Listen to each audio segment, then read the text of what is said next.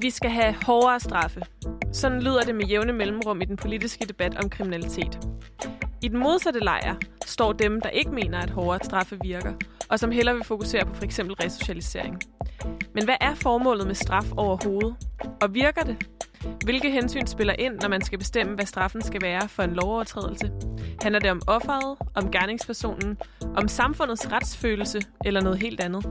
Og findes der alternativer til den måde, vi straffer på i Danmark? Men det er også efter min opfattelse en sejr for, for hele retssikkerheden i Danmark, fordi at det havde været helt En kommission skal nu undersøge Inger Støjberg. det, det hele kan ikke være sådan. Den kommer jo til at betyde fra nu af, at vi alle sammen er kriminelle. Men de når ikke at slå alarm, før gummigeden med et enormt brag smadrer et 13 gange 6 meter stort hul i fængselsmuren. Og vi ved så ikke, hvad der sker med den her domstol. Hvordan vil den tolke lovgivningen? Velkommen til Boblen. Mit navn er Veronika, og i det her program undersøger jeg, hvilken rolle jura spiller for din og min dagligdag, og hvilke principper og også udfordringer, som er på spil i udformningen og opretholdelsen af loven. Og til at hjælpe mig med det, der har jeg to jurister med. Christine Mose. Hej. Og Mars, Mads Markved Holscher, der fik jeg lige dit uh, mellemnavn galt i halsen. Mads, velkommen til. Ja, mange tak. og øh, før vi går i gang med dagens øh, emne, så vil jeg lige starte med sådan et... Øh, et lidt øh, hyggeligt spørgsmål, men om I nogensinde har prøvet at få sådan en af de her sådan lidt mere måske små straffe, som man kan få som barn, for eksempel at blive smidt ud for døren i timerne, eller få noget skæld ud for et eller andet, I havde gjort. Mads, vil du starte? Øh, ja, selvfølgelig er det det eneste, der lige kommer at tanke om det. Jeg tror ikke helt, jeg var barn. Der var en lille teenager måske. Øh, Der kan man også være rimelig sådan... Ja, men præcis. Men der, der var det ikke min skyld. Nå. Der var, øh, jeg, ville ikke, jeg, havde, jeg skulle spille fodbold med idrætslæreren, og jeg kunne ikke ramme målet. Og hver gang jeg ikke ramte målet, skulle jeg lave fem armbøjninger. Og da jeg fik en gæld på sådan noget 40 armbøjninger, så stillede jeg mig op og sagde, gider jeg æderrøv med ikke? Så kom jeg op til rektor. Ja, det der med at blive sendt til rektor, det er også en, øh, en klassiker fra sådan skolesystemet. Hvad med dig, Christine? Men Jeg tror da også helt sikkert, at jeg er blevet smidt uden for døren. Men øh, jeg kan ikke huske de helt præcise situationer. Men jeg kan da huske en gang, jeg fik 50 armbøjninger i straf i karate, for øh, ikke at bukke, da jeg skulle gå ud af døren. Der er sådan et tema med, med armbøjninger som afstraffelsesmetode. Mhm. Jeg tror, at, øh, jeg kan heller ikke lige huske at være blevet smidt ud for døren eller sendt op til rektor, men, men jeg kan huske at få skæld ud for øh, en, en lærer, der blev meget chokeret over, at øh, fordi jeg var, jeg var blevet slået, og så slog jeg en tilbage, og øh, der var en lærer, der blev meget chokeret over, at, øh, at sådan en som mig kunne finde på det. Mm. Og så fik jeg en hel masse skæld ud. Øhm, og det kan jeg stadig huske, fordi jeg synes, det var så mega uretfærdigt. Men altså, det er jo sådan nogle små straffe, som man oplever meget som barn. Øh, Det kan også være ens forældre, der i rette sætter en. Øh, Det kan være andre voksne, der sådan på en eller anden måde sådan prøver at få en til sådan at, at rette ind i de forhold til de normer og værdier, vi har i, i samfundet, og som måske også ens familie for eksempel har, eller, eller andre omkring en, den skole, man går på. Men mm. i Mhm. dag, der skal vi jo prøve at sådan, tage det lidt op på, sådan, på et samfundsmæssigt plan fra de her sådan, små straffe, man måske oplever som enkeltperson, især når man vokser op, og så til de øh, straffe, som findes i samfundet, når, når nogen begår øh, kriminalitet. Og det er det, som inden for jura hedder strafferet, hvis jeg har forstået det rigtigt, ikke? Ja, og det handler jo om kriminaliteten og kriminalitetens følger, og det vil altså sige, hvordan straffer man for det, som samfundet siger er forbudt. Mm, og øh, det er noget, som man også bliver undervist i på, øh, på jura, ikke? Øhm, og det er noget tid siden, I har haft strafferet, ikke? Jo, det er noget tid siden, jeg har siddet med lærebøgerne i strafferet på jurastudiet. Derfor har det også været vildt spændende at tilrettelægge det her program og tale med nogle spændende mennesker. Ja, jeg tror, jeg tror på andet semester, vi havde det. Måske første. Det er i hvert fald helt i starten af, af uddannelsen. Jeg sidder en lille smule med det til daglig, men øh, Det er jo også en meget sådan grundlæggende ting, det her med, at vi har de her love, og øh, man ved jo godt, at man, øh, hvis man overtræder dem, så er der en eller anden form for, øh, for straf. Men i dag, der skal vi undersøge i dybden, hvorfor det overhovedet er, at vi som samfund straffer, og altså, hvorfor man får den her straf, når man har begået en lovovertrædelse, hvilke idéer, der ligger bag øh, den måde, vi straffer på i Danmark, hvilken forskning der er om, hvad straf kan, og både, hvad kan man sige, værdimæssigt og principmæssigt, men også øh, i praksis. Mm. Og til at hjælpe os med det, der har I, under, øh, der har I været ude og øh, interviewe to forskere, Mads og Christine. Ja, for det første har vi talt med Trine Baumbach, som er professor i strafferet, og hun præsenterer lige sig selv her. Yes. Mit navn er Trine Baumbach, og jeg er professor i strafferet her på Københavns Universitet. Og øh, Trine Baumbach, hun skal jo især hjælpe os med at, øh, at finde ud af, hvad er det for nogle principper, der ligger til grund for den måde, man straffer på i Danmark. Hvorfor er det overhovedet, at øh, vi straffer, og hvad kendetegner ligesom dansk strafferet, kan man sige. Mm. Og så øh, har I også været ude at tale med en anden, og det er Katrine Barnekov Rasmussen, og hun har skrevet phd afhandling om det, der hedder genoprettende ret i en dansk kontekst, og det skal vi dykke mere ned i, fordi det er sådan et helt særligt begreb, og måske en lidt anden måde at gå til øh, straf og kriminalitet på, som vi skal prøve at, at undersøge lidt, men, øh, men vi hører hende også lige præsentere sig selv her. Jeg hedder Katrine Barnekår Rasmussen, og jeg er Ph.D. i jura. Mit område er genoprettende ret. Min baggrund er mere sociologisk, kan man sige, hvor jeg har læst internationale udviklingsstudier og religionssociologi. Ja, så vi får også både sådan, hvad kan man sige, øh, jura-professorens vinkel, øh, mm. og så får vi den her lidt mere sociologiske vinkel, men øh, begge dele som en måde at prøve at undersøge, hvorfor er det, vi straffer, hvad er det for nogle principper, der ligger til grund, og hvilke udfordringer er der også i, i den tilgang, man har til straf, og i den måde, man straffer på, når man skal strafudmåle. Så i dag, der skal vi spørge, findes der andre måder at forholde sig til, til kriminalitet på, end den måde, som vi ligesom forstår som de klassiske former for straf? Hvad er det for nogle hensyn og principper, der ligger til grund for den måde, vi straffer på i Danmark? Og ja, hvorfor straffer vi egentlig overhovedet?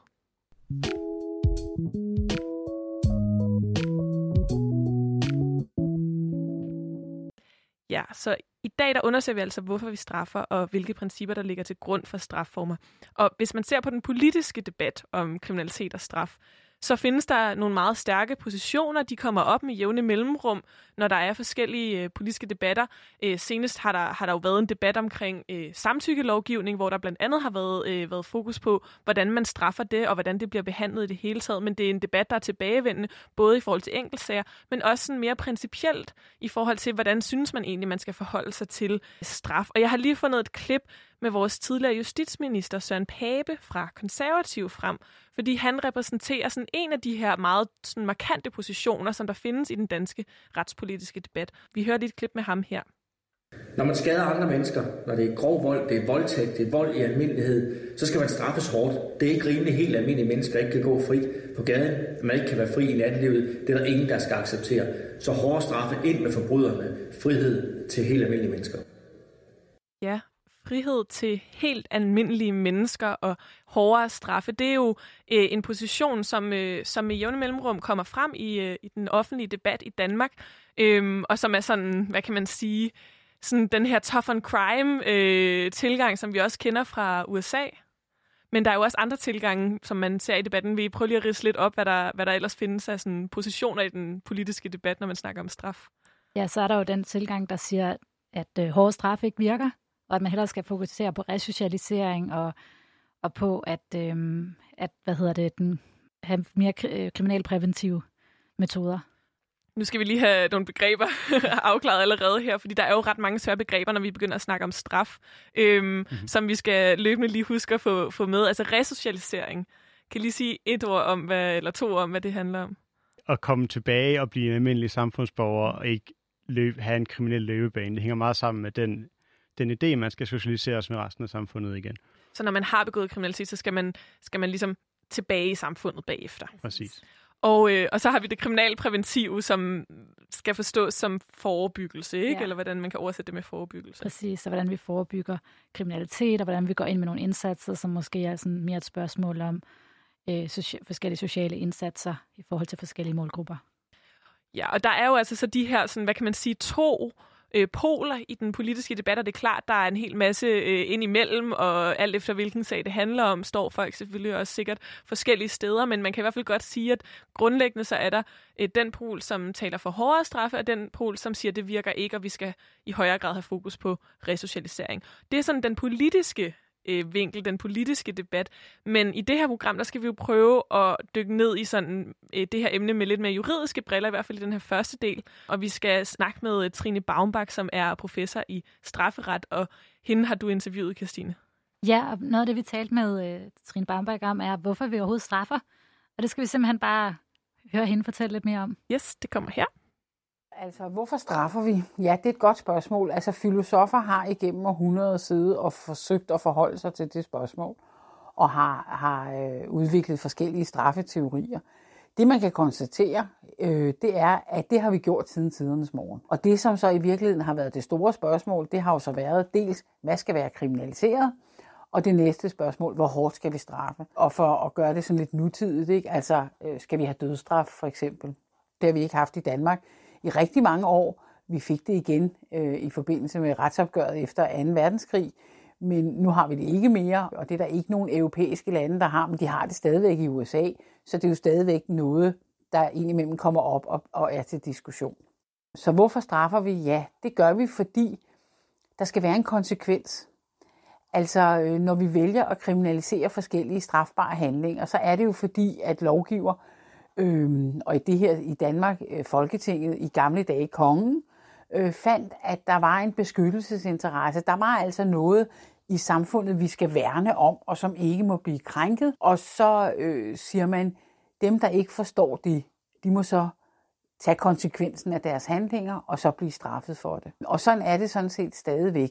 Ja, og det Trine Baumbach peger på her er jo, at straffesystemet, eller det at straffe, går rigtig, rigtig langt tilbage, men at det selvfølgelig har ændret sig over tid. Og jeg synes også, at det er spændende, det hun, øh, det hun siger her, der med, sådan, det skal jo have, der skal være en konsekvens, ikke? Og det kan man måske godt genkende. Altså, øh, jeg, jeg øh, tænker på det her med, sådan, at man måske får bøder for at cykle over for rødt, og jeg ved da i hvert fald, at, øh, at jeg kan i hvert fald mærke på mig selv, at øh, hvis jeg lige har set en øh, politibetjent stå og give bøder, så bliver jeg ekstra opmærksom på, hvordan jeg mhm. selv cykler. Så der er jo sådan en eller anden sådan, i rettesættende effekt af det her... Øh, af det her med, at man ved, at der er en straf, der er en bøde, øh, ja. hvis man cykler over for rødt, for eksempel. Og der kan man også sige, at historisk så skal konsekvensen også have virkning. Og det er altså et lidt sjovt eksempel på det, eller ikke sjovt, men øh, måske et interessant eksempel, er, at man i Danmark konkret ændrede straffen for manddrab eller mor i 1700-tallet. Og det gjorde man simpelthen, fordi man havde det helt særlige problem på det tidspunkt. Og det handlede om, at man havde noget, man kaldte øh, de melankolske mordere. Og det var simpelthen nogle personer, som øh, jamen, var deprimerede, eller melankolske, som man kaldte det, og rigtig gerne ville øh, dø for at komme i himlen, og ikke længere være på jorden. Men øh, det der så var, var, at det, de kunne ikke begå selvmord, fordi så ville de ende i helvede. Så de tænkte simpelthen, at vi gør det helt smarte her. Vi øh, begår et mor, for så at øh, få øh, dødstraf, og så blive tilgivet og komme i himlen. Fordi at, det, at selvmord ligesom var sådan en, øh, blev set som en, en synd. Ja, lige ja. præcis. Og, øhm, og det vil altså så sige, at øh, på det tidspunkt, så fik man dødsstraf for at begå drab, og så kunne de altså på den måde blive henrettet, og derved få en form for religiøs tilgivelse og komme i himlen. Og det der var her, var jo, at, den, at straffen skulle have en konsekvens, men den skulle også virke afskrækkende. Og det gik jo ikke, hvis straffen faktisk var det, man gerne ville opnå. Nej, nej så er det sådan lidt modsat, øh, modsat effekt. Og for at løse det, så begyndte man så at give de her melankolske mordere livsvarige fængselsstraffe, hvor de skulle øh, leve rigtig længe under dårlige forhold, og en gang om året skulle de ud i byen til offentlig skue og piskes. Okay. også ret vild, øh, altså i det hele taget en ret vild øh, altså, ting, at det har været sådan det, der har afgjort, hvordan man straffer på, ikke? At, at man har sådan haft det her problem, eller hvad man skal kalde det, det virker helt vildt, men altså jeg kan godt se sådan pointen i det her med, sådan at, at der er nogle bestemte hensigts, altså man vil gerne have en bestemt virkning af at straffe, og hvis den så lige pludselig ikke er der, men har en helt anden virkning, så skal man finde på noget andet. Men den her, den her livstidsstraf har jo samme den er jo også brutal på en eller anden måde, når man mm. ved, at det er mennesker, som, som ikke har det godt, for eksempel, ja, og, og som aktivt ønsker at, og så, dø. så er den jo afskrækkende i forhold til dem, og har den virkning i den henseende. Øh, og man kan jo sige, på den måde, det er jo egentlig meget pragmatisk. Den måde, man så har haft ændring på, fordi man har stået med et problem, og der har man så tænkt, jamen det, det vi gør lige nu, det virker ikke afskrækkende. Det, men øhm, noget af det, vi også talte med Trine Baumbach om, var, hvorfor vi konkret straffer i Danmark. Og lige præcis det her med, hvad er formålet egentlig? Og det skal vi høre hende fortælle lidt mere om nu. Ja, altså for det første så forventer vi jo at få det ud af straffen. Altså vi håber jo og forventer, at folk lader være med at begå forbrydelser. Og det gør de fleste af os jo også. Altså de fleste af os er jo ikke kriminelle. Så kan man diskutere, vil vi, vil vi begå de handlinger, hvis de ikke var strafbare? Ja, nogle af dem tror jeg.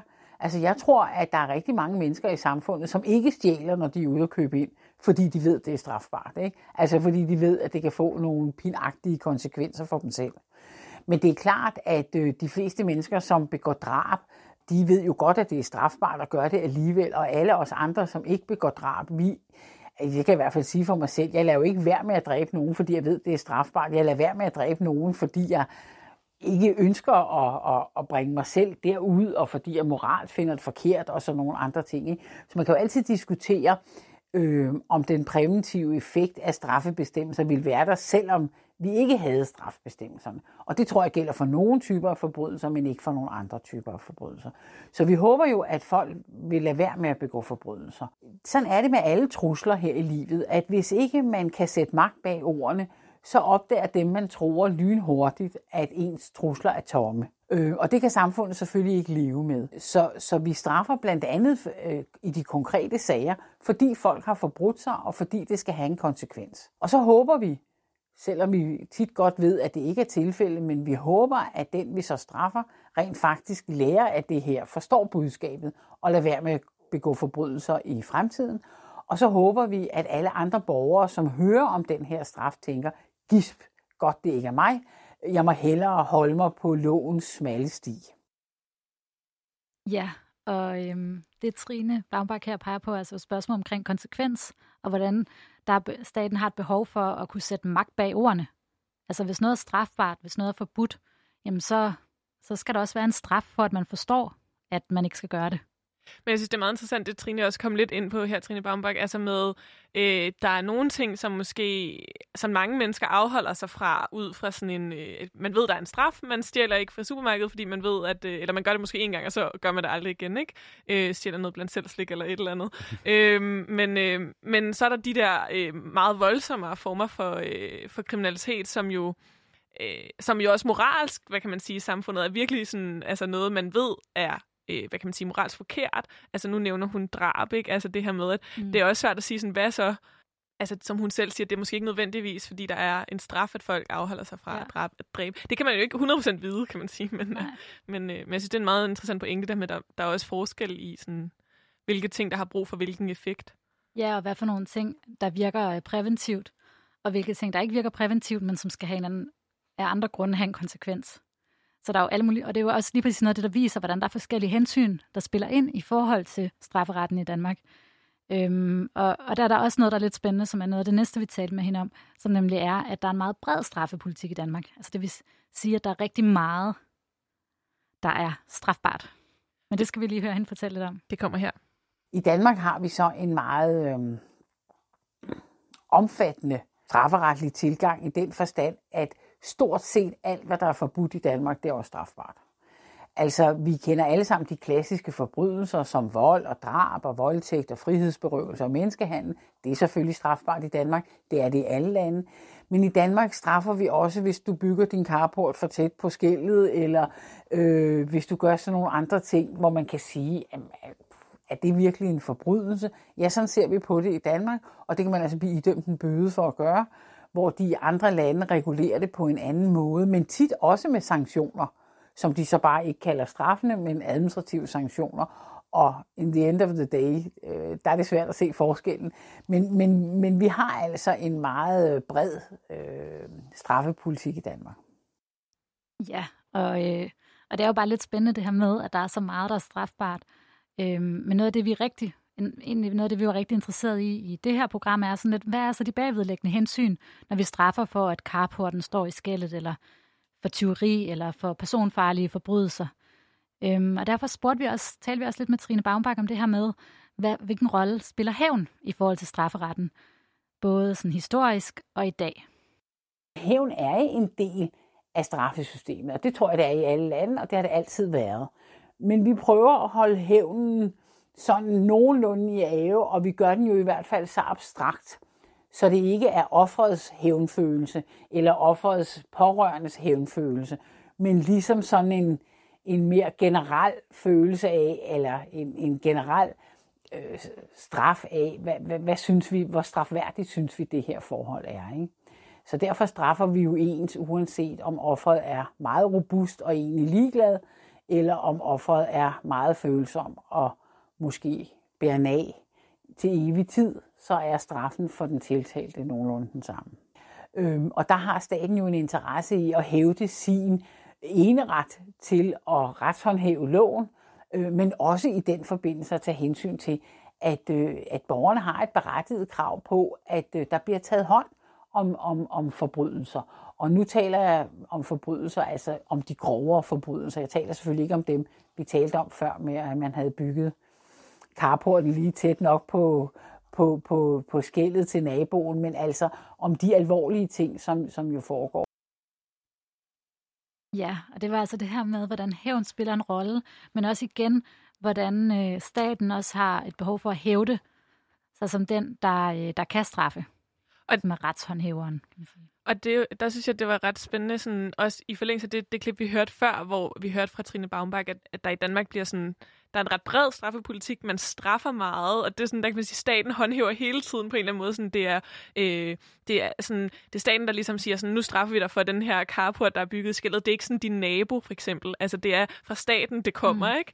Øhm, og, og det synes jeg også bare var ret interessant, det der med, sådan, at det faktisk måske adskiller sig en lille smule fra sådan, tilgangen, selvom at, som hun siger, det ender med at være, være det samme i praksis, ikke? Men, ja. men alligevel tilgangen er lidt forskellig. Præcis. Og noget af det, som, altså der er både det her med, hvordan sådan staten ligesom går ind og er den, der siger, ja, men carporten skulle ikke stå der. Og så er der jo noget andet, som er sådan, hvordan foregår det så i praksis? Altså, hvordan, hvad sker der, når man, øh, for eksempel som for, hvis man som forurettet har fået stjålet noget, og man går hen og anmelder det til politiet, eller politiet på anden vis har fundet ud af, at der har altså været et strafbart forhold her. Hvad er det så, der sker? Hvad er de næste skridt? Og det var så også noget af det, vi øh, talte med Trine Baumbach om.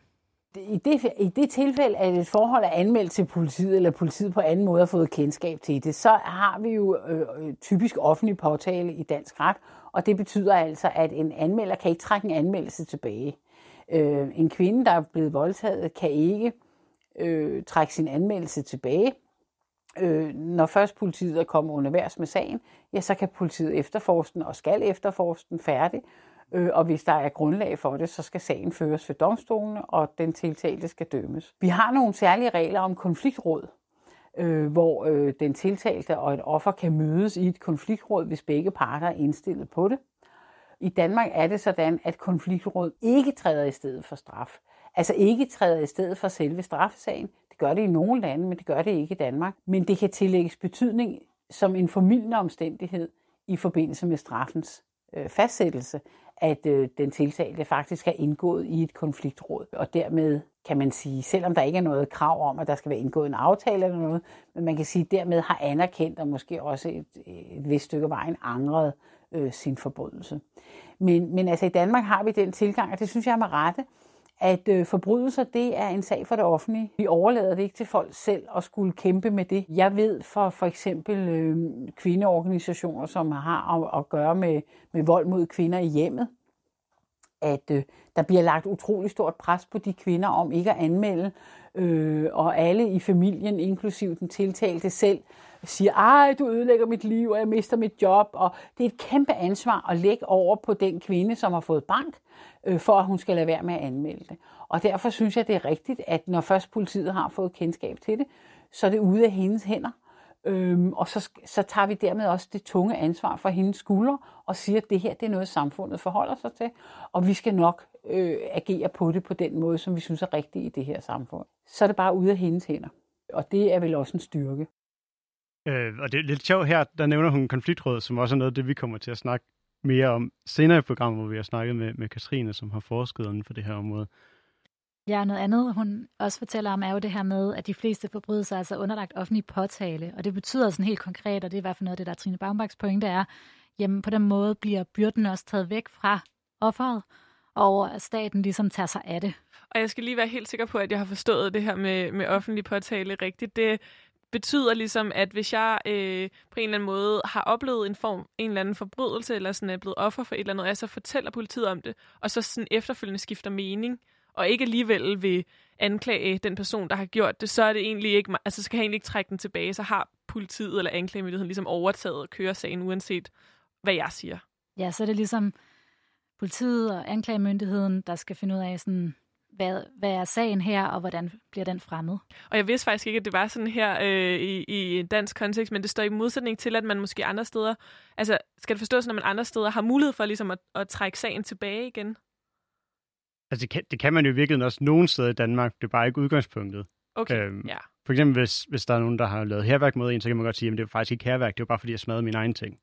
Øhm, okay, ja. Men som udgangspunkt, så er der i hvert fald hvad kan man sige, at det offentlige overtager sagen, og man ligesom har lagt det i den instans, og ikke ja. på de enkelte personer. Altså man siger, så er der nogle sager, som er underlagt det, der hedder privat påtale, hvor man simpelthen selv skal anlægge sagen og føre den videre, og det er jo for eksempel øh, injury-sager.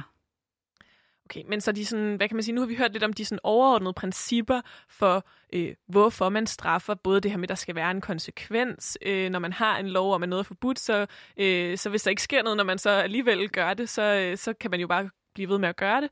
Øhm, men også det her med, at der er nogle, øh, nogle forskellige sådan, perspektiver i, at for eksempel, at det offentlige overtager sagen, så det ikke er op til den enkelte at have, hvad kan man sige, også overskud til at føre øh, en sag.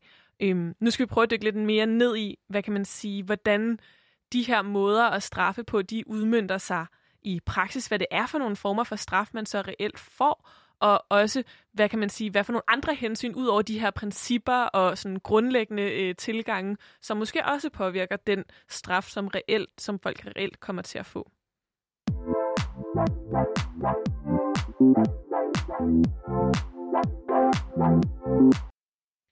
Du lytter til Boblen, hvor jeg, Veronika, sammen med de to jurister, Kirstine og Mads, i dag undersøger, hvorfor vi straffer og hvilke forskellige idéer der er om, hvordan man bør straffe lovovertrædelser. Og vi har netop hørt fra professor i strafferet Trine Baumbach om, hvilke principper, der ligger til grund for den måde, som man straffer på i Danmark. Men spørgsmålet er, hvordan det så ser ud i praksis, og om der er andre faktorer, der spiller ind på, hvordan man konkret ender med at straffe lovovertrædelser i Danmark. Og før vi dykker ned i de forskellige faktorer, så skal vi lige have helt styr på, hvad det er for nogle former for straf, man sådan helt konkret kan få. Altså når man bliver dømt for noget, hvordan, hvad er det så, man bliver dømt? Hvad er det for, for en form for dom, man får? Og Christine, du har lige sådan taget på dig og lige vil prøve at riste op sådan helt grundlæggende. Ja, sådan lidt overordnet. Altså man kan jo få en bøde, hvis man for eksempel kører for stærkt. Så kan man, man kan også miste sit kørekort, det vil sige få en frakendelse af en rettighed. Og så er det sådan, at i processen i straffesager i Danmark, så handler det rigtig meget om selve udmålingen af straffen.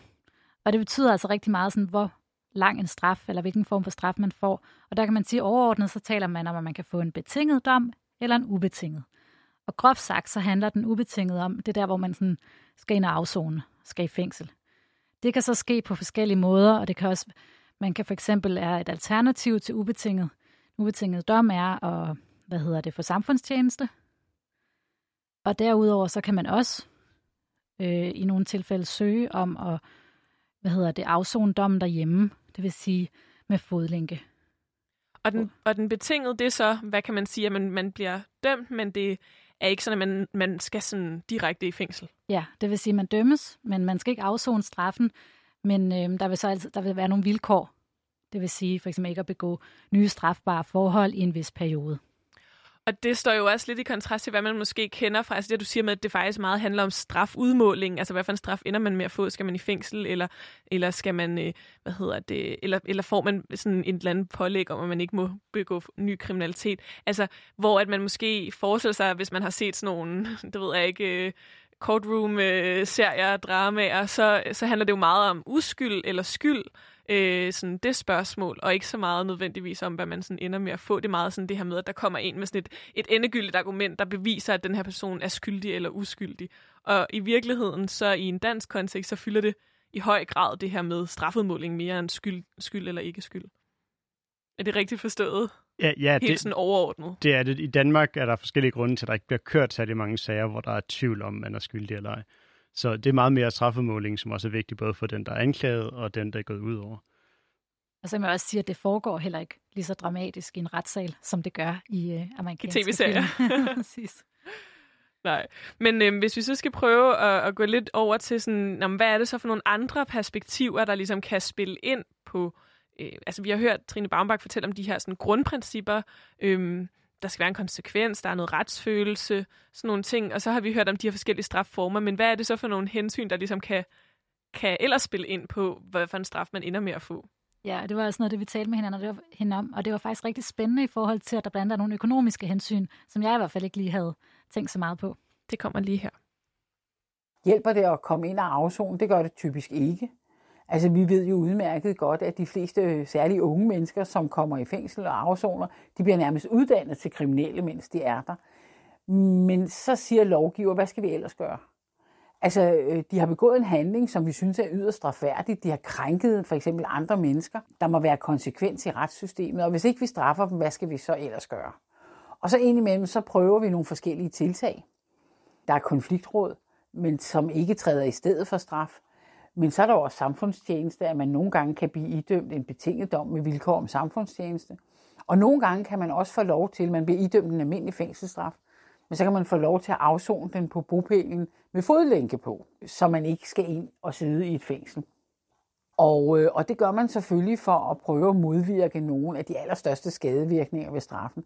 Man skal bare ikke være blind for, at når vi gør det i Danmark, så gør vi det også af økonomiske grunde. Så er det simpelthen fordi, at vores fængsler er overbelagt, altså der er alt for mange, der er i fængsel. Vi har ikke flere fængselspladser, og det er vanvittigt dyrt at bygge et nyt fængsel. Så det er ikke noget, man, det er ikke ligesom at bygge en, en ekstra vuggestue i en kommune eller et eller andet i den stil. Det er vanvittigt dyrt. Og for ligesom at prøve at holde strafmængden nede i fængslerne, ja, så udvider man ordningen med samfundstjeneste i perioder, man udvider ordningen med fodlænker, øh, og så nogle gange, når man synes, ah, nu går det lidt for vidt, så skærper man reglerne igen, og sådan kører det lidt frem og tilbage. Og, og selvfølgelig handler det om, at vi vil helst have, at folk bliver resocialiseret og ikke bliver uddannet til kriminelle. Men en stor del af begrundelsen er også økonomisk. Ja, så her er Trine Bamberg jo både inde på de her forskellige måder, man kan blive straffet, men også inde på, hvordan der faktisk er en skadevirkning i forhold til fængselsstraf, og hvordan man sådan skal prøve at undgå den, den skadevirkning. Øhm, og det er både i forhold til så for eksempel afzone hjemmet, eller komme i samfundstjeneste, men noget af det, der også er interessant her, er jo så også jamen, de samfundsøkonomiske overvejelser, der er, i for, der er i forhold til det, og det er rigtig dyrt at have fængsler. Ja, så der kan være nogle, nogle andre, hvad kan man sige, hensyn end de her sådan, grundlæggende principper, som ender med at afgøre, øh, om, man, øh, om man får en, øh, en ubetinget dom på et tidspunkt, hvor at fængslerne er overbelagt, hvor der er total øh, pres på fængslerne, så er der måske større mulighed for at øh, få lov til at afzone i hjemmet for eksempel, mens der så kan være andre perioder, hvor at øh, man har bevillet flere midler måske til fængselspladser. Eller, altså, det er jo ret interessant, at det også har sådan en, hvad kan man sige, praktisk hensyn, øh, hvad for en form for straf folk ender med at, øh, at få. Ja, især når det er noget, der har så stor betydning for den enkelte. Lige præcis. Og øh, det her med, hvilken betydning det har for den enkelte, der, øh, hvad kan man sige, en, en af de sådan sider i den politiske debat, som, øh, som er i forhold til, til retspolitikken, det er jo det her med, øh, hvorvidt at straffe virker i forhold til at begrænse ny kriminalitet. Altså at den, der har begået kriminalitet, vil, øh, vil begå ny kriminalitet.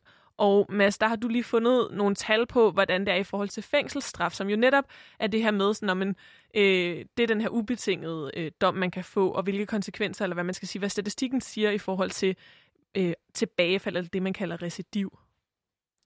Øh, ja, det har jeg, og de seneste tal fra Danmarks Statistik, de er jo nogle år gamle, men det giver også sig selv, for det de undersøger, det er, om man har begået noget nyt inden for to år, efter man kommer ud af fængsel. Øh, og de seneste tal, det siger, at ud af samtlige mennesker, der har været inde og, og bag trammer, eller åben fængsel i virkeligheden også, alle der har været i fængsel, øh, er det 62 procent, der igen begår en kriminalitet inden for, inden for de her to år. Og hvis man så zoomer ind og kigger på de aller yngste, ligesom dem, hvor det, hvor det her narrativ med at blive uddannet til kriminel giver allermest mening, de 15-29-årige, der er tallet så helt op på 75 procent, der gentager, der laver en ny forbrydelse inden for to år. Ja, så det er altså ret kort tid efter, at man har afsonet det her med to år, ikke? Øh, ja. og det er en ret stor, øh, stor andel.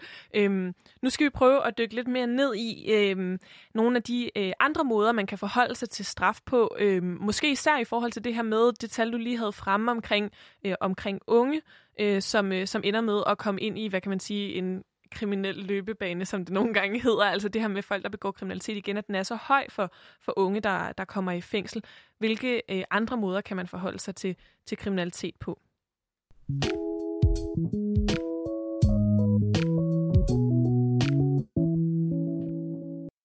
Ja, fordi der er altså en masse forskellige hensyn at tage højde for, når man øh, udmåler straffe og fastsætter, hvordan man straffer. Men samtidig så er der den her udfordring i, at fængselsophold de ikke nødvendigvis betyder, at den, som har begået en lovovertrædelse, stopper med at begå kriminalitet. Og i relation til den udfordring, men også som udtryk for, at der har været debatter om, at man skal have andre tilgang til, hvordan samfundet overhovedet skal forholde sig til straffer til lovovertrædelser, så findes der øh, det her, øh, den her sådan det her begreb eller den her tilgang, som hedder øh, genoprettende ret eller genoprettende retfærdighed øh, på engelsk øh, restorative justice. Og her er der sådan et større fokus på forsoning mellem det, man kan kalde offer og gerningsperson. Øhm, og, øh, og det er på det seneste begyndt at fylde mere i den offentlige debat, og jeg har lige fundet et lille øh, eksempel fra BBC. Victims of crime to meet those who committed the offence against them. A report by MPs on the Justice Committee says the provision of such schemes is currently a postcode lottery. The Ministry of Justice says it will consider the report carefully. Well, my colleague's be, uh, Joanna Gosling's been talking to Joan Scourfield, whose son James was killed back in 2011 by Jacob Dunn, who served 13 months in prison for James's manslaughter. The pair used the uh, restorative justice program not long after Dunn was released from prison.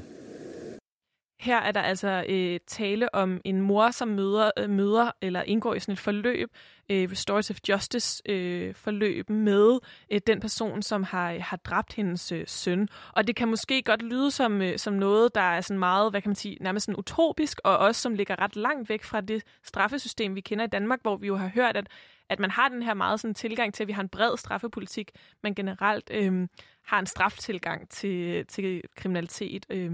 Men, men faktisk så er der allerede blevet implementeret et element af denne her form for genoprettende ret i det danske system, og det skal vi lige prøve at dykke lidt mere ned i, hvad det er for noget med det her begreb, men også hvordan det kan se ud i praksis, øh, og hvordan, hvor man finder det i Danmark.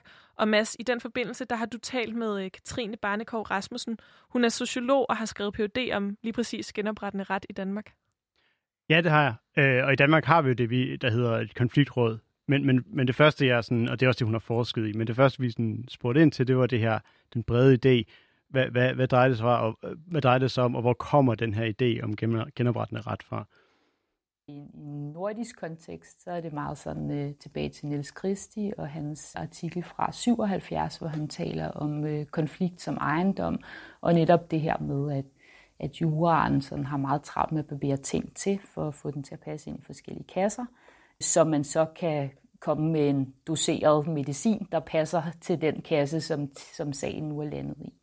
Og der, sådan hvis man skal se overordnet set på det, så inden for restorative justice, der, der er man måske lidt mere optaget af, at jamen, selvom at, at to sager kan ligne hinanden, så er de ikke ens for de parter, der har været involveret, fordi uh, at det, der er sket, opleves forskelligt, afhængig af, hvem der gør det, og hvem det går ud over osv. Så, så, så det er i hvert fald noget af det, som er sådan grundlæggende forskelligt fra, fra hvordan det juridiske system ellers, kan man sige, normalt skal fungere i en retsstat, eller sådan, hvor man ja, skal ramme inden for skiven med en dom i forhold til andre sammenlignelige forbrydelser.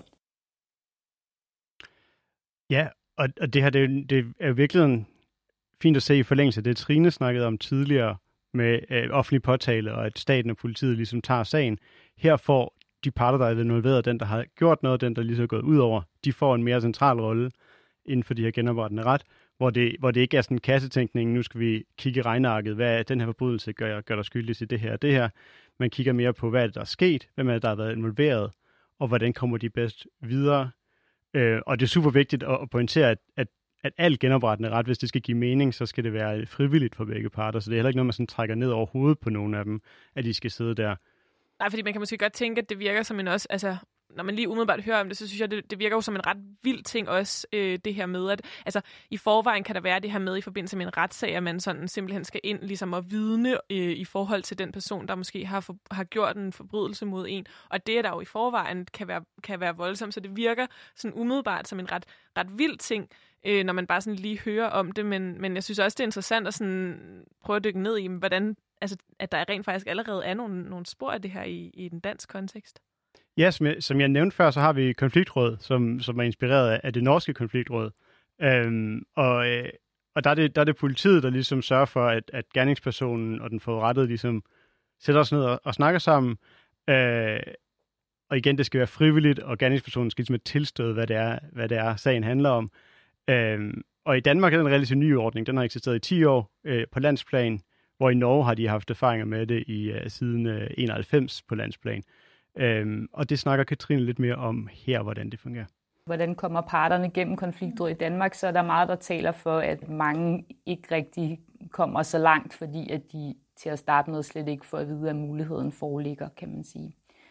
Men dem, der så får mulighed, eller dem, der ja, får øh, at vide, at muligheden foreligger, de er øh, ideelt set inden for den danske model, så er det så gerningspersonen, der bliver spurgt først, og hvis gerningspersonen så siger ja, så spørger man forurettet bagefter. Og det er fordi, man ikke vil have, at forurettet skal have sådan en, en dobbelt skuffelse ved selv at sige ja, og så få at vide bagefter, at det har gerningsmanden ikke tænkt sig at medvirke til. Så hvis begge parter så øh, siger ja, jamen så er der så grundlag for et konfliktråd, og så bliver der visiteret en mailer, og så har man nogle gange nogle formøder, men oftest er det, at maileren har en, en kortere telefonsamtale med parterne, og så har man så et møde. Det er faktisk meget forskelligt i de forskellige politikredse, hvordan man vælger at gøre det her, fordi der er metodefrihed. Men som udgangspunkt er det i Danmark en forrettet og en gerningsperson, der mødes, faciliteret af en mailer. Ja, så, så her beskrev hun lidt, hvordan, øh, hvordan et konfliktråd kan fungere, og, og hvordan parterne ligesom kan få lov til at sidde, sidde ned sammen og ligesom fortælle deres baggrund for, hvad der skete, hvad der har været konsekvenser efter, og ligesom forstå hinanden, og måske også på en anden måde stille gerningspersonen til ansvar for, hvad der er sket på sådan mere mellemmenneskelig øh, plan. Og så nævner hun også det her med, at den, den danske løsning, der er, måske er politiet ikke lige så gode som andre steder til ligesom at tilbyde den mulighed i alle sager. Øh, det er noget af det, hun har forsket i, øh, og hun har nogle forslag til, hvordan det kan blive øh, forbedret. Øhm, og, og en måde, som der også fungerer i Danmark, øh, på en måde i Danmark, og en anden måde andre steder, det er, at i Danmark er konfliktrådene ikke et, ikke et alternativ øh, til almindelig straf. Øh, man, man vil stadigvæk have en parallel sag, der kører med, med anklagemyndigheden og domstolene, hvor man øh, skal have den almindelige straf, og så har man den her mulighed, hvis begge parter indgår der frivillige aftale om det, og sidde ned og også have en genoprettende øh, proces. Så det skal ligesom ses som en form for sådan tilvalg i den danske kontekst, og måske også være noget, der sådan er motiveret af, at, at hvis man er forurettet i en sag, at man så faktisk har et eller andet ønske om at måske, altså det kan der jo også være nogen, der har oplevet kriminalitet, som har et ønske om at forstå, men hvorfor, hvorfor gjorde du det her? Altså det er måske også det, som, som man kan forstå det som sådan et supplement til sådan, at der kan være en domsafregning, eller hvad man skal kalde det, strafafregning, og så, og så den her, det her behov for at få nogle ord på, hvorfor var det, det, det overhovedet skulle ske, det her. Ja, præcis. Andre, andre steder, der, der er det ikke bare et supplement. Der, der kan man faktisk, hvis begge parter går ind i det frivilligt, få den her proces til at, at komme helt i stedet for straf, så straffen ligesom falder bort. Øhm, og i Norge, der har man for eksempel øh, et system om unge lovbrydere, og det øh, som et alternativ, øh, hvor man har hvor man har genoprettende ret som alternativ til straf for unge i Norge. Og det snakker Katrine om her. For eksempel i Norge og Nordirland, der har man mulighed for en, en genoprettende proces som strafalternativ for øh, unge. Og så er der en del lande, der opererer med, at man øh, altså sådan ved mindre forseelser kan blive ja, henvist til en form for genoprettende proces i stedet. Det kunne være noget herværk eller et eller andet. Og der kan man sige, at i, i praksis så så kan det også godt ske i nogle politikredse i Danmark, at man gør det, men det er bare ikke sådan en, altså, øh, det er ikke noget, der er skrevet ind i loven, at til og med et eller andet niveau, så kan vi køre det i konfliktrådsregi, hvis det er noget, parterne ønsker. Og, og det betyder så, at den løsning, de har i Norge med, med børn og unge under 18 år, som kan, som kan være i den her genoprettende proces, og så for eksempel undgå at komme i fængsel, Øh, det synes jeg er super tankevækkende, når vi lige har snakket om, hvor, hvor store udfordringer der er med fængslerne som den her uddannelsesinstitution for, for kriminalitet, øh, som, som jeg tænker er også en, en, grund, en af del af, af grunden til, at man har indrettet det på den måde, som man har i Norge. Øh, ja, ja, det er ret spændende at sådan, måske sådan, se det som, altså, fordi jeg, man kan godt tænke sådan, at, at det der med, det bliver sådan et alternativ til straf, så kan man måske godt blive lidt i tvivl om sådan, okay, men hvad så med det her, den her pointe om, at der skal være nogle konsekvenser, men, men på den anden side kan man sige, at, at vi kan jo så se på de tal, du havde med fra Danmarks Statistik, med, at der, der er også nogle udfordringer med de her øh, straffe, hvor folk bliver sendt i fængsel så meget unge, øh, at, de, at de har meget stor risiko for tilbagefald, hvad man skal kalde det til kriminalitet.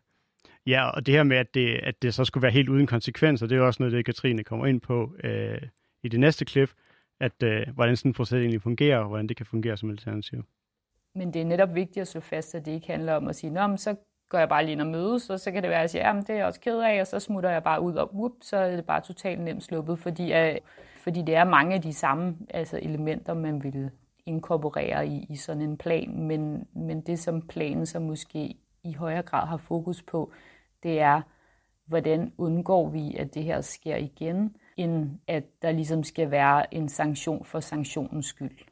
Fordi der er jo sådan ret entydige forskningsresultater på, at det for eksempel ikke er nogen særlig smart idé at smide mennesker i det hele taget i fængsel, men heller ikke børn og unge i fængsel, hvis man gerne vil undgå, at de begår kriminalitet igen. Og alligevel så er det lidt den diskurs, der hurtigt kan komme til at køre, blandt andet i Danmark, at vi skal have strengere straffe og mere ubetinget fængsel osv. Der kan det have noget andet, og det betyder, at altså, der vil stadig være en opfyldningsperiode, men den opfyldningsperiode vil så måske være længere, end fængselsstraf ville have været. Så på den måde er der faktisk sådan, ja, et andet forløb omkring den unges fremtid, som til synligheden har en rigtig positiv effekt på restiv. Ja, her kommer Katrine også ind på, øh, at fokuset bliver at undgå recidiv, altså det her med, at den unge falder tilbage i kriminalitet, og det bliver måske en, en, en stor faktor i, i, i den unges videre liv, også når man bliver voksen. Øh, og det er det, der er i centrum, frem for at straffe. Øh, Ja, jeg synes, at det, at det er en meget sådan fin pointe, det her med lige at, få, at hun slår fast det her med, at det skal ikke ses som sådan, i, der hvor det bliver sat som strafalternativ, skal det ikke ses som, som noget let, at man bare lige går ind og sidder lidt til et møde, og så er det overstået. Det, øh, men derfor så tænker jeg bare stadig, at det godt kan være, hvad kan man sige, en udfordring, det her med, vi taler jo ofte i den her øh, politiske debat, der bliver det ofte nævnt det her med, øh, hvad kan man sige, samfundets retsfølelse. Øh, at der ligesom skal, øh, man skal have sådan en følelse af, at der sker noget, hvis der er nogen, der begår kriminalitet. Ikke kun for offerets skyld, men også for, hvad kan man sige, den fæl, det fælles samfunds øh, retsfølelse, hvor man måske godt kan tænke sådan, der bliver ikke på den måde sat sådan magt bag loven, hvis, øh, hvis man ligesom gennemgår den her proces. Det kunne i hvert fald måske være en anke mod den her øh, tilgang.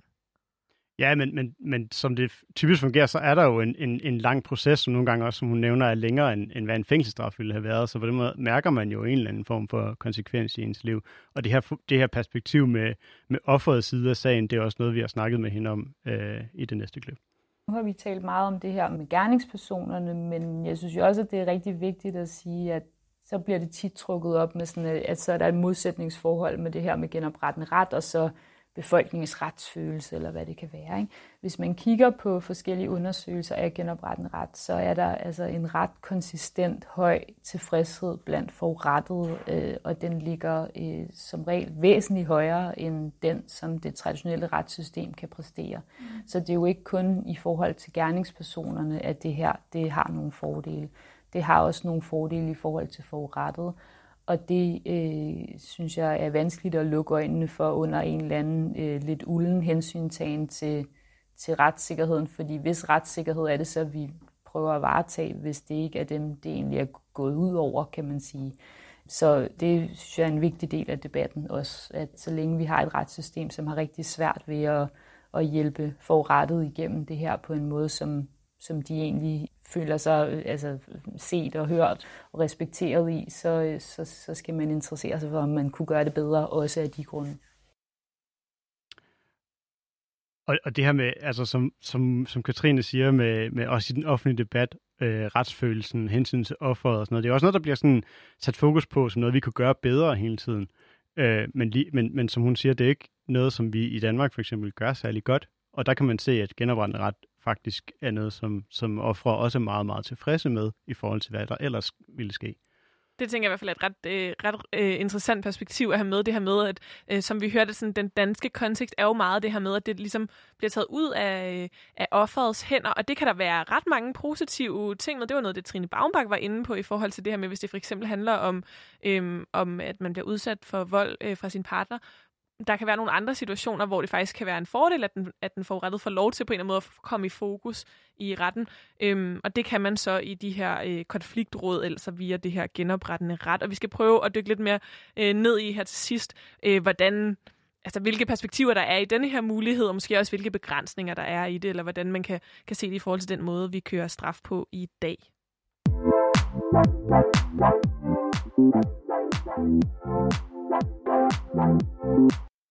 Du lytter til Boblen, hvor jeg, Veronika, sammen med de to jurister, Christine og Mads, i dag undersøger, hvorfor vi straffer og hvilke forskellige idéer der er om, hvordan man bør straffe lovovertrædelser. Og vi har talt med professor i strafferet Trine Baumbach og sociolog Katrine Barnekov Rasmussen, både om hvilke principper og hensyn, der kendetegner den måde, som vi straffer på i Danmark i dag, og så har vi snakket om det koncept, som hedder genoprettende ret, som i højere grad har fokus på forsoning, mellem offer og forurettede, eller, eller den forurettede og den, der har begået øh, kriminaliteten.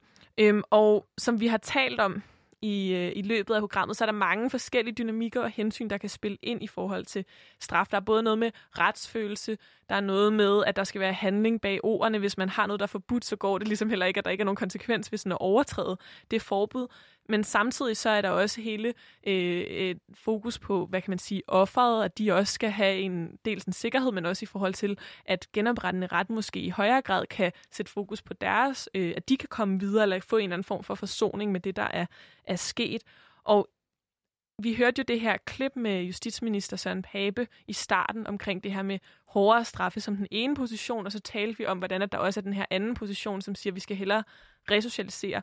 Men, men noget, som vi ikke har været sådan helt inde på, det er, at der jo også er rigtig mange sociale øh, årsager til øh, kriminalitet, og øh, at der for eksempel også øh, kan være noget med det her med, at der er, er mange unge, som hvis de først kommer i fængsel, så er det ret stor sandsynlighed for, at de inden for de næste to år, når de er blevet løsladt, begår kriminalitet igen. Og der kan være en ret stor slagside i forhold til, hvem det er, der ligesom kommer ind i fængsel øh, i en tidlig alder. Der kan man jo godt tænke sådan, kunne det her genoprettende ret være en måde at imødekomme det, og ligesom få de her øh, unge øh, undgå, at de kommer ind i sådan en kriminel løbebane, eller hvad man nu skal, så kalde det, det lyder også meget sådan, tungt. Men hvad tænker I omkring det her med genoprettende ret som sådan en anden måde at se på, på kriminalitet og straf på, i forhold til den måde, vi gør det på i dag i Danmark?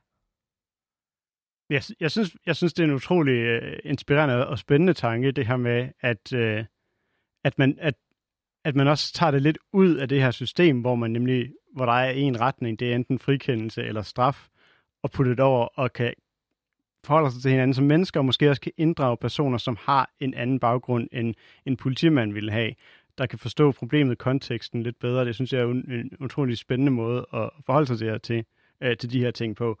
Øh, og som man også ser generelt i forhold til, til, til ungdomskriminelle. Der er jo en masse socialarbejdere og, og øh, i forvejen, og så er det jo fjollet, at man så ikke ser det endnu mere i forhold til den måde, når folk faktisk ender med at have, have gjort noget men så også håndtere det på lidt den samme måde. Hvad tænker du, Christine, i forhold til sådan nogle af de hensyn, der jo også ligger til grund for den måde, man straffer på i dag? Ja, så det er jo altid interessant at se videre på, hvordan man kan, kan gøre ting anderledes, og hvad for nogle alternativer der er. Der er jo også nogle forskellige forsøgsordninger med lige præcis genoprettende ret i Danmark i dag. Øhm, og især i forhold til unge er det jo rigtig interessant, hvordan man får den unge med i processen. Og så er det rigtig vigtigt, at det er et spørgsmål omkring altså frivillighed, og at det ikke er alle sager, hvor det egner sig måske. Men det er rigtig vigtigt sådan, bare blive ved med at se på, hvad er der for nogle muligheder. Det synes jeg er en, er en god pointe, og det her med også at sige, altså nu har vi jo prøvet at undersøge både, hvad er det for nogle principper, der ligger til grund for den måde, man gør det på i dag, hvad er det for nogle, for nogle andre hensyn end principper, der måske også får en betydning for, hvilken straf folk får, altså det kunne være for eksempel økonomiske hensyn, og så det her, sådan, øh, den her mulighed for at se på sådan, kriminalitet og, og straf på en anden måde, som nogle gange måske kan være et alternativ, og i andre sager ikke nødvendigvis kan være det. Vi øh, er nået til vejs ende Øh, der er jo så meget at tale om i forhold til det her, også fordi det er ret essentielt for den måde, vores samfund er bygget op på. Men vil I ikke lige helt hurtigt sige en sætning, der må ikke være mere end to sætninger, om øh, hvorfor, hvad man skal tage med fra programmet? Jo, altså det er altid relevant at blive ved med at tale om, hvorfor er det, vi straffer, og hvad er det for nogle bagvedlæggende hensyn, der er. Mads? At man måske i det hele taget er lidt dårlig til at gøre det, som egentlig møder af de hensyn, man har bedst, øh, særligt i Danmark. Det var øh, alt, hvad vi øh, nåede for i dag. Tusind tak, fordi I ville være med, øh, Christine og øh, Mads, og tak til jer, der lyttede med.